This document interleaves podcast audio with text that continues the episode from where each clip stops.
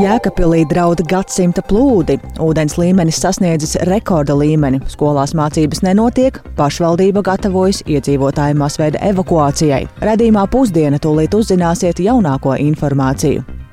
Šodien sasaukta valdības ārkārtas sēde, kurā sāks vērtēt budžeta piedāvājumu jaunajām prioritātēm un programmām. Es gribu teikt, ka man redzot šo visu paketu kopā, principā mēs esam sagatavojuši pietiekamu paketi ekonomiskās transformācijas nodrošināšanai un vispārējo valdības mērķu izpildēji. Stāstīsim arī par Lielbritānijas karaliskā pasta nedēļām. Plaša kiberuzbrukuma dēļ tas jau vairākas dienas nevar nosūtīt paciņas un vēstules uz ārvalstīm.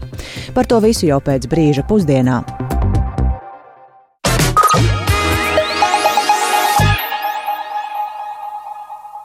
5 minūtes pāri 12. skanējumu sāk radījums pusdiena ar plašāku šīs piekdienas 13. janvāra notikumu izklāstu. Ar to studijā Dace Semenoviča esiet sveicināti! Un visa uzmanība šodien ir vērsta Jēkabpils virzienā, kur aplūst aizvien jaunas teritorijas. Ūdens līmenis Daugavā pie Jēkabpils šorīt pārsniedzis pirms vairāk nekā 40 gadiem sasniegto rekordu, un šobrīd jau ir sasniedzis sarkanās pakāpes brīdinājuma līmeni. Aktuālajai situācijai turpinām sekot līdzi arī mēs, tādēļ šajā brīdī esam sazinājušies ar kolēģi no Vidus Daugavas televīzijas Sandru Paigļkalni. Labdien, Sandra! Labdien! Sveiki! Ko kur šobrīd esi un ko saka cilvēki? Jā, bijām mēs uh, Daugavas krastā, tur, kur pašvaldības policija šobrīd apziņo iedzīvotājus, kas dzīvo tieši pie pašas Daugavas ar iespējām evakuēties. Nu, un iedzīvotāju lielākā daļa tomēr joprojām atsakās no evakuācijas, uzskatot, ka situācija vēl nav tik dramatiska un viņi vēlas turpināt palikt mājās. Tomēr runājām arī ar vienu sievieti, kuru šorīt no rīta ugunsdzēsēji evakuēja. Viņas mājai jau pirmajā stāvā uz grīdas bija ūdens, pa durvīm nebija iespējams iet iekšā, un arī pagalmā esošā mašīna gandrīz līdz jumtam ir ūdenī. Šo sievieti uh, ugunsdzēsēji izcēla no mājas un palīdzēja tikt uz tauszemes. Uh, tagad viņa dodas pie radiem, lai tur pavadītu turpmākās dienas, bet viņas uh, vīrs uh, gan ir izlēmis palikt mājās un nevēlas nekur doties. Uh, pēc viņas vārdiem esot visu sacēluši otrajā stāvā, un šis vīrietis mēģinās pārlēst šīs dienas uh, otrajā stāvā. Ko saka šie cilvēki, kuri paliek, jā, nu, tu jau pieminēji, ka pārvieto mantas, vai viņi vēl kaut kā īpaši gatavojas un pie kādiem apstākļiem viņi tomēr būtu gatavi evakuēties? Uh, jā, uh, nu, situācija ļoti dažāda, bet ar vienu kundzi gados, ar kuru mēs runājām, kur arī atsakās no evakuācijas, lai gan viņas māja jau viss pagraba līmenis jau ir ūdenī, uh, viņa vienkārši netic tam, ka būs tik dramatiski. Un uh, uz manu jautājumu, ko jūs darīsiet, kad ūdens jau smelsies istabās, viņa saka, nē, tas nenotiks. Es viņai saku, bet jūs jau nezināt, kā tas var viss attīstīties. Un tā viņa teica, ja gadījumā vajadzēs, tad došos uh, pie, pie, pie radiem. Bet uh, arī, arī dienas tos uztver, ka daudzi cilvēki varbūt neapzinās tās esošās briesmas un to, ka ūdens var ļoti strauji pārņemt šo māju. Un, un vakar arī bija viens gadījums, kad sieviete atteicās evakuēties, un pēc dažām stundām, kad jau ūdens smēlās istabā iekšā, tad viņa zvanīja ugunsdzēsējiem un lūda tomēr palīdzību evakuēties, bet tajā brīdī jau tas bija diezgan riskants pasākums arī pašiem glābējiem. Tāpēc iedzīvotāji tiek aicināti tomēr apsvērt uh, iespēju evakuēties jau laicīgi. Jā, vai ir arī kāda interese vienkārši no interesantiem, kuri dodas un fotografē varbūt, vai tie netraucē glābēju darbu? Jā, diemžēl ir un diezgan liela interese, un arī mēs šodien novērojām, ka Daugavas pašā krastā, kur uh, līdz kritiskajai robežai ir tikai daži centimetri, uh, turpina interesanti doties un skatīties un fotografēt. Pašvaldības policija un arī citi dienesti strādā ar šiem cilvēkiem, uh, uzrunā viņus, aicinot tomēr nedoties uz šīm vietām, jo tas tiešām var traucēt glābēju darbu. Un arī mēs paši nezinām, kā situācija var attīstīties, kurā brīdī kaut kas var notikt ļoti strauji, Un, uh, ja tur būs cilvēki, civiliedzīvotāji, tas arī var beigties nevisai labi. Jā, paldies, tik tālu kolēģe Sandra Paegļkalne, un jāteic, ka situācija ir tik nopietna, ka saistībā ar straujo ūdens līmeņa paaugstināšanos Jēkabelī šodien arī ir pār, pārtraukts mācību process visās skolās un interešu izglītības iestādēs, kuras atrodas plūdu apdraudētajās teritorijās, tāpēc arī esam sazinājušies ar Jēkabils valsts ģimnāzijas direktoru Valeriānu Vizuli. Labdien! Labdien! Kur atrodas jūsu skola un cik tālu jūs esat no ūdens? Mm, mēs no Dāngos esam aptuveni 150 metri, ļoti, ļoti tuvu. Šobrīd ūdens vēl no mums ir tālu, bet ir pirmās pazīmes, ka šis ūdens var tuvoties. Un tāpēc pašvaldība veic pasākumus un mēs veicam pasākumus, lai iespējami minimizētu tos riskus un tos postījumus, ko mums varētu paveikt, ja gadījumā ūdens tomēr atnāk līdz mūsu skolai. Cik liela skola ir uh, jūsu, cik, cik apmēram skolēni ir jūsu skolā mācās?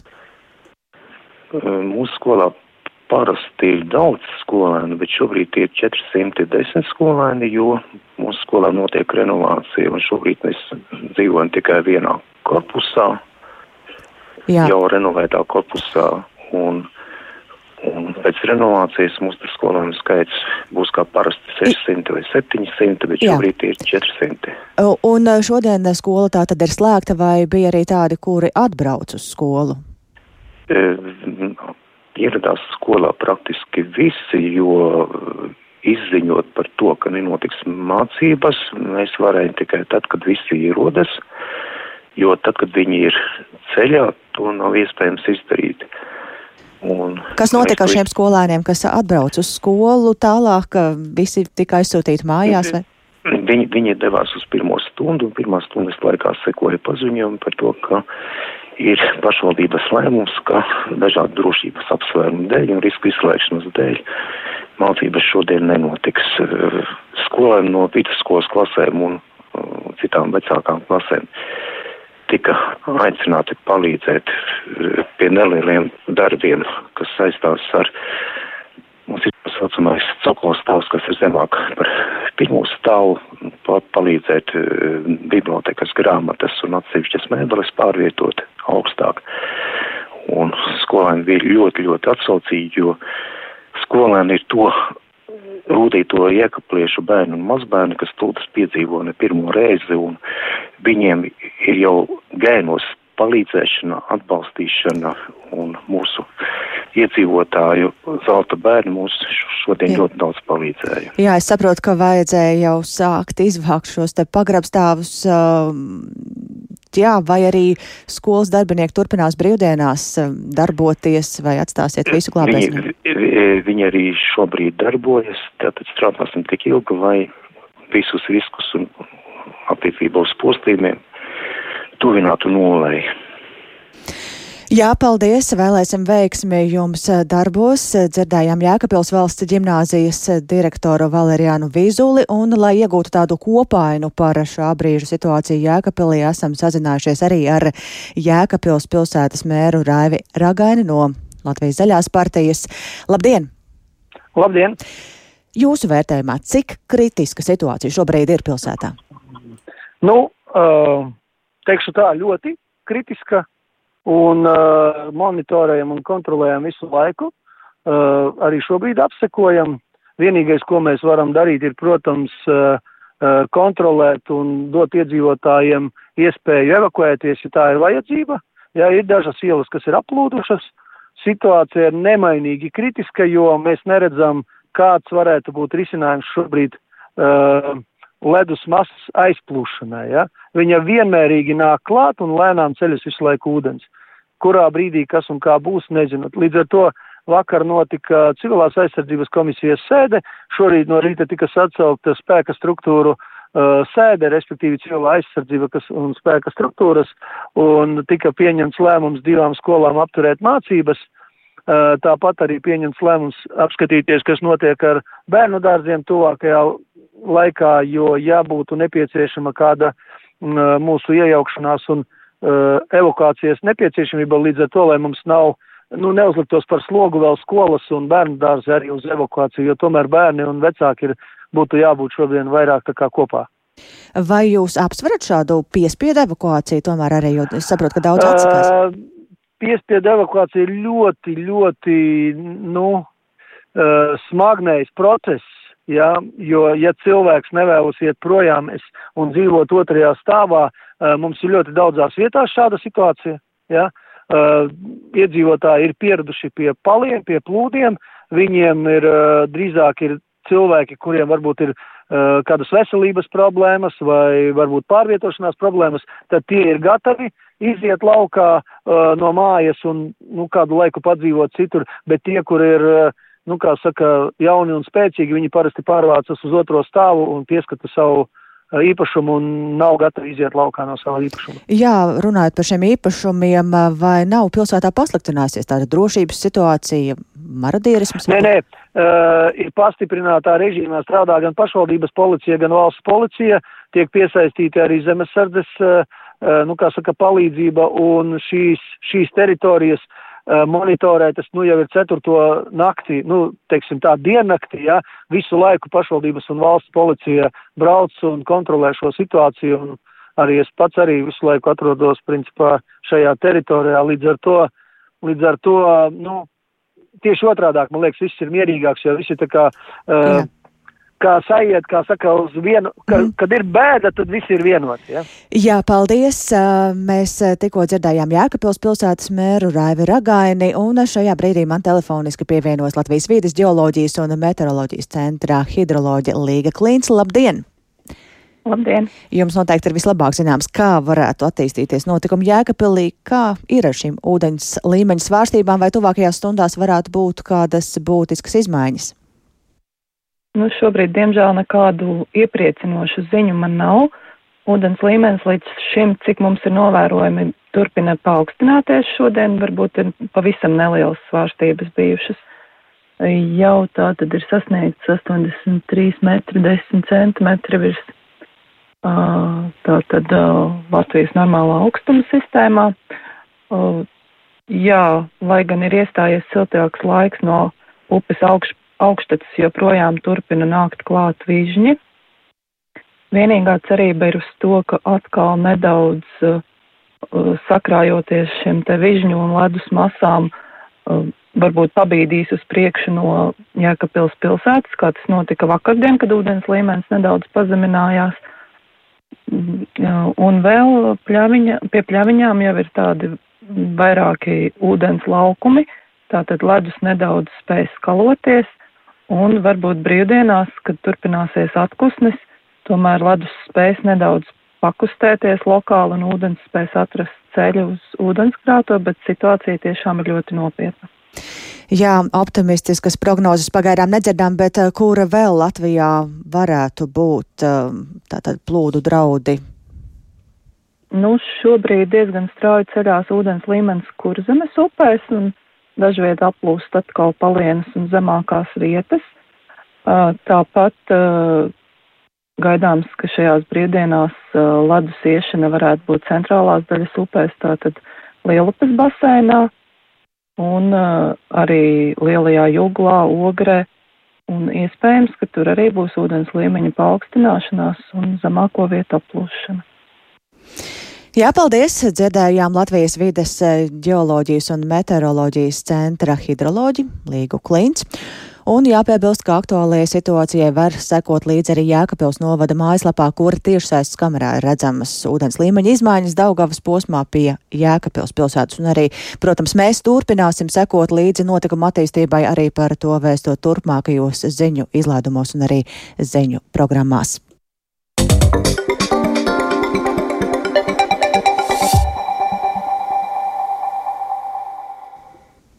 Turpinām raidījumu pusdiena un valdībā šobrīd ir sākusies sēde, kurā apspriež Finanšu ministrijas apkopoto un sagatavoto šī gada valsts budžeta piedāvājumu jaunām valdības prioritātēm un, un arī programmām nosauktas vairākas konkrētas prioritātes, un tām ir paredzams arī aptuvenais finansējums, un šim tematam seko līdzi arī kolēģis Jānis Kīncis. Sveiks, Jāni! Sveika, Dārts! Sveicināti klausītāji! Tātad finanšu ministrs ir atkārtoti definējis budžeta projekta galvenās prioritātes. Kas tās ir? Jā, par prioritātēm budžetā ir izceltas valsts drošība, iekšējā un ārējā un ārpolitika, izglītība, enerģētika, klimats un vide, konkurētspēja un dzīves kvalitāte. Un valsts budžeta finansējums paredz papildu jau esošām valsts programmām finansēt uh, jaunas programmas un prioritātes par aptuveni 710 miljoniem eiro. Tajā skaitā ir arī jau iepriekš minētie 215 miljoni no tā saucamās fiskālās telpas vai papildu līdzekļi, kas ir pārdalāmi konkrēti mērķu īstenošanai, tā skaitā algu maksājumiem konkrētās nozarēs. Konkrēti piemēri par plānoto finansējumu sadali - 402 miljoni eiro paredzēti valsts iekšējai un ārējai drošībai, tā skaitā pretgaisa aizsardzības sistēmai, līdzekļi paredzēti ugunsdzēsēju depo remontam un glābēju auto iegādēji. Papildu 45 miljoni plānot augstākās izglītības zinātnes un pētījumu mērķiem, 31 miljonus eh, pasākumiem enerģētikā, klimata un vides jomās. Papildu finansējums paredzēts arī minimālo ienākumu pabalstiem, ministriju ierēģu un tiesu darbinieku algu palielināšanai, tāpat arī valsts kultūra kapitāla fonda pamatfinansējumam un arī dziesmu un deju svētku norisēm. Līdzekļi paredzēti arī sabiedrisko mediju kapacitātes stiprināšanai un veselības jomā. Vairāk naudas paredzēta strādājošo algām un onkoloģisko pakalpojumu pieejamības veicināšanai. Savukārt satiksmes jomā nauda atvēlēta sabiedriskā transporta zaudējumu sekšanai un arī vietējo un reģionālo autoceļu atjaunošanai. Un papildus valsts budžeta plāniem vēl 1,3 miljārdu eiro paredzēts ieguldīt no Eiropas Savienības fondu finansējuma. To visu apkopojot, finanšu ministrs Arvils Ašradins no jaunās vienotības. Ir cerīgs, ka šie plāni palīdzēs iziešanai arī no iespējamām ekonomikas recesijas sekām. Varam paklausīties ministra teikto. Es gribu teikt, ka man redzot šo visu paketu kopā, gan jau iepriekšējās valdības iebalsotās prioritātes, gan jaunās valdības budžeta noteiktās prioritātes, gan arī Eiropas fonda sekmīgi gagu, ļauj man teikt, ka principā mēs esam sagatavojuši pietiekamu paketi ekonomiskās transformācijas nodrošināšanai un vispārējo valdības mērķu izpildē. Jā, kāds ir tas plānotais budžeta pieņemšanas grafiks? Turpmākajās nedēļās valdība strādās ar valsts budžetu un to pavadošajiem likumprojektiem, kuru ierasti ir vairāki desmiti. Un saimā valsts budžeta projektu plānots e, iesniegt pēc nepilna mēneša, 8. vai 9. februārī, un to plānots izskatīt līdz martam, lai tas stātos spēkā no 1. aprīļa. Jo vienlaikus Latvijai, kā, Eiro, kā Eirozonas valstī, budžeta projekts būs jānosūta izvērtēšanai arī Eiropas komisijā. Un šis process ierasti ilgst apmēram mēnesi. Jā, paldies Jānim Kincim par ziņām no valdības un uh, pievēršamies vēl kādam tematam. Latvijas sabiedrībā joprojām ir augsta tolerance pret vardarbību. Tas ir secināts pētījumā par naida noziegumiem, lai apspriestu naida runas un naida noziegumu novēršanas iespējas. Šobrīd Notiek konference, pulcējot valsts policijas tieslietu nozares, kā arī sabiedrības integrācijas fonda ekspertus. Un eh, kā šorīt Latvijas radio uzsvēra Latvijas Universitātes juridiskās fakultātes asociētā profesore Kristīna Dupate, neapstādinot naida izpausmes, tās var izaugt līdz valsts drošības apdraudējumam. Caurmērā mūsu sabiedrībā vēl joprojām vārdarbība tiek uzskatīta par normu, Un līdz ar to naida nozieguma, naida runa nereti netiek vispār atpazīti, ka tie tādi ir. Ja mēs runājam par etniskām grupām, skaidrs, ka tie Latvijā ir Romi, attiecībā pret kuriem ir ļoti augsts aizsprieduma līmenis. Un, ja mēs runājam par citām mazāk aizsargātām grupām, protams, ka tās ir homoseksuāls personas un arī dzana personas ar atšķirīgu dzimumu identitāti. Un šeit ir problēma, ka, diemžēl, tā tiesība aizsardzības iestāžu reakcija līdz šim nav bijusi pietiekami jūtama. Ir nedaudz problēma tiesiskajā regulējumā. Ja mēs runājam par vēršanos pret personām saistībā ar viņu etnisko piedarību, tiesiskais regulējums neprasa vēl pierādīt, ka ir bijis būtisks kaitējums, Bet par pārējām grupām, piemēram, cilvēkiem ar invaliditāti vai tām pašām homoseksuālām personām, tad uh, tiesiskais regulējums pieprasa pierādīt, ka ir nodarīts būtisks kaitējums, un šeit nav izstrādāta pieeja, kas tad tiek uzskatīts par būtisku kaitējumu kā arī dzen, nav vienotas prakses izmeklēšanas līmenī un apsūdzības līmenī. Galvenā problēma ir tāda, ka, ja naida izpausmes netiek apstādinātas jau tajā sākotnējā stadijā, tad tas viss var izaugt līdz jau sabiedriskai kārtībai un valsts drošībai, bīstam situāciju, tas var izaugt pat līdz terorismam. Līdz ar to svarīgi novērst šīs izpausmes jau pašā saknē. Dzirdējām Latvijas Universitātes juridiskās fakultātes asociēto profesori Kristīni Dupati. Un šodien un rīt Čehijas iedzīvotāji dodas pie vēlēšanu urnām, lai izraudzītos nākamo prezidentu, kurš amatā nomainīs Mīlošu Zemanu. Vēlēšana pirmās kārtas favorīts ir Andrejs Babišs, kurš iepriekš bija premjerministrs un nereti konfliktēja ar Eiropas Savienību. Vairāk par to stāsta Uldis Česberis. Šī būs trešā reize, kad Čehijas pilsoņi tiešās vēlēšanās izraudzīsies valsts prezidentu. Abās iepriekšējās reizēs 2013. un 2018. gadā uzvarēja sociāldemokrāts Milošs Zemans, kurš līdz Krievijas pilna apmēra iebrukumam Ukrainā veidoja ciešākas attiecības ar Maskavu un kritizēja Eiropas Savienības sankcijas pret Kremli. Viņam pēc diviem prezidentūras termiņiem ir liekta iespēja kandidēt vēlreiz. Cīņai par Čehijas prezidenta amatu apstiprināja astoņus kandidātus, no kuriem tikai viena ir sieviete. Pirms balsojuma pirmās kārtas priekšplānā bija izvirzījušies trīs galvenie pretendenti - bijušais premjerministrs Andrejs Babišs, atvaļinātais armijas ģenerālis Pēters Pavels un bijusī universitātes rektore Danuše Nerūdova. No viņiem startautiski vispazīstamākais ir Babišs, kurš bija Čehijas premjeras laikā no 2017. līdz 2021. gadam. Babišs ir pazīstams ar saviem populistiskajiem, eiroskeptiskajiem un ksenofobiskajiem paziņojumiem. Pēdējos gados viņa vārds biežāk ir izskanējis saistībā ar apsūdzībām par krāpšanos ar Eiropas Savienības līdzekļiem, taču šonedēļ Čehijas tiesa viņu attaisnoja. Babišs bija gandarīts par tiesas lēmumu un paziņoja, ka apsūdzības pret viņu bija politisko konkurentu sazvērestība. A ja myslím, že je to dobrá správa pro celou Česko republiku. Šīs ir labas ziņas Čehijai un tās pilsoņiem un apliecina, ka mēs dzīvojam valstī, kuru pārvalda ar likuma varu un kur ir neatkarīga tiesu vara. Šis tiesas process bija milzīga trauma manai ģimenei un man. Mums sešus gadus nācās aizstāvēties pret nepatiesām apsūdzībām.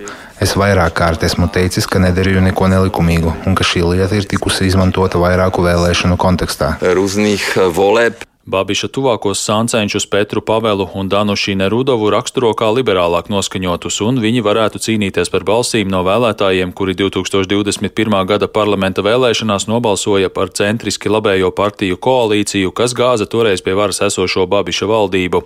Pēdējās vēlētāju aptaujas rāda, ka pirmajā kārtā neviens no kandidātiem neiegūs vismaz 50% balsu, tāpēc būs jārīko vēlēšanu otrā kārta. Pašlaik izskatās, ka balsojuma otrajā kārtā sacensties Babišs un Pāvels Uldis Česberis, Latvijas radio. Un noslēgumā par to, ka Lielbritānijas karaliskā pasta datorsistēmām ir noticis kiberuzbrukums, kura dēļ jau vairākas dienas nevar nosūtīt paciņus un vēstules uz ārvalstīm.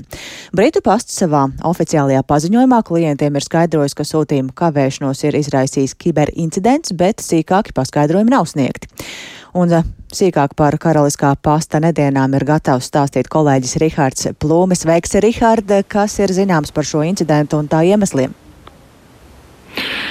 Jā, labdien!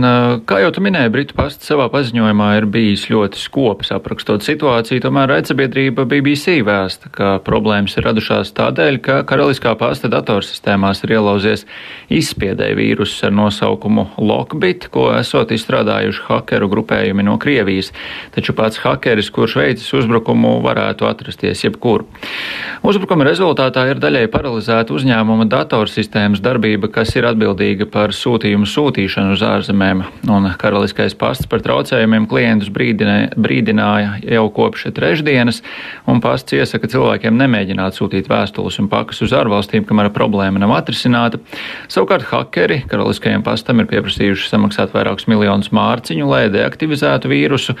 Izmeklēšanai tūstāvoši avoti gan apgalvo, ka esot iespējami arī risinājumi, lai sistēma atkal darbotos.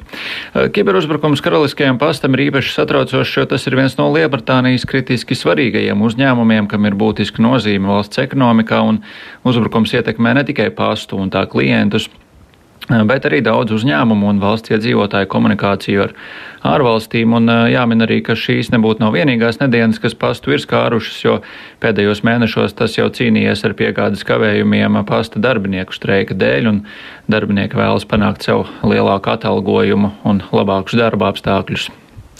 Jā, un saprotams, ka pasta pārstāvi arī noteikuši, ka nevar pagaidām pateikt konkrētu termiņu, kad problēmas varētu atrisināt, un ar to arī šobrīd izskan programma Pusdiena producente Ilze Aginta, ierakstus montē Renāša Šeimanis par labskaņu rūpējās Katarīna Bramberga, un ar jums sarunājās Dācis Simanoviča. Sekojot mums līdz arī sabiedrisko mediju portālā LSMLV, tāpat arī Latvijas Radio 1 Facebook lapā un arī raidierakstu platformās.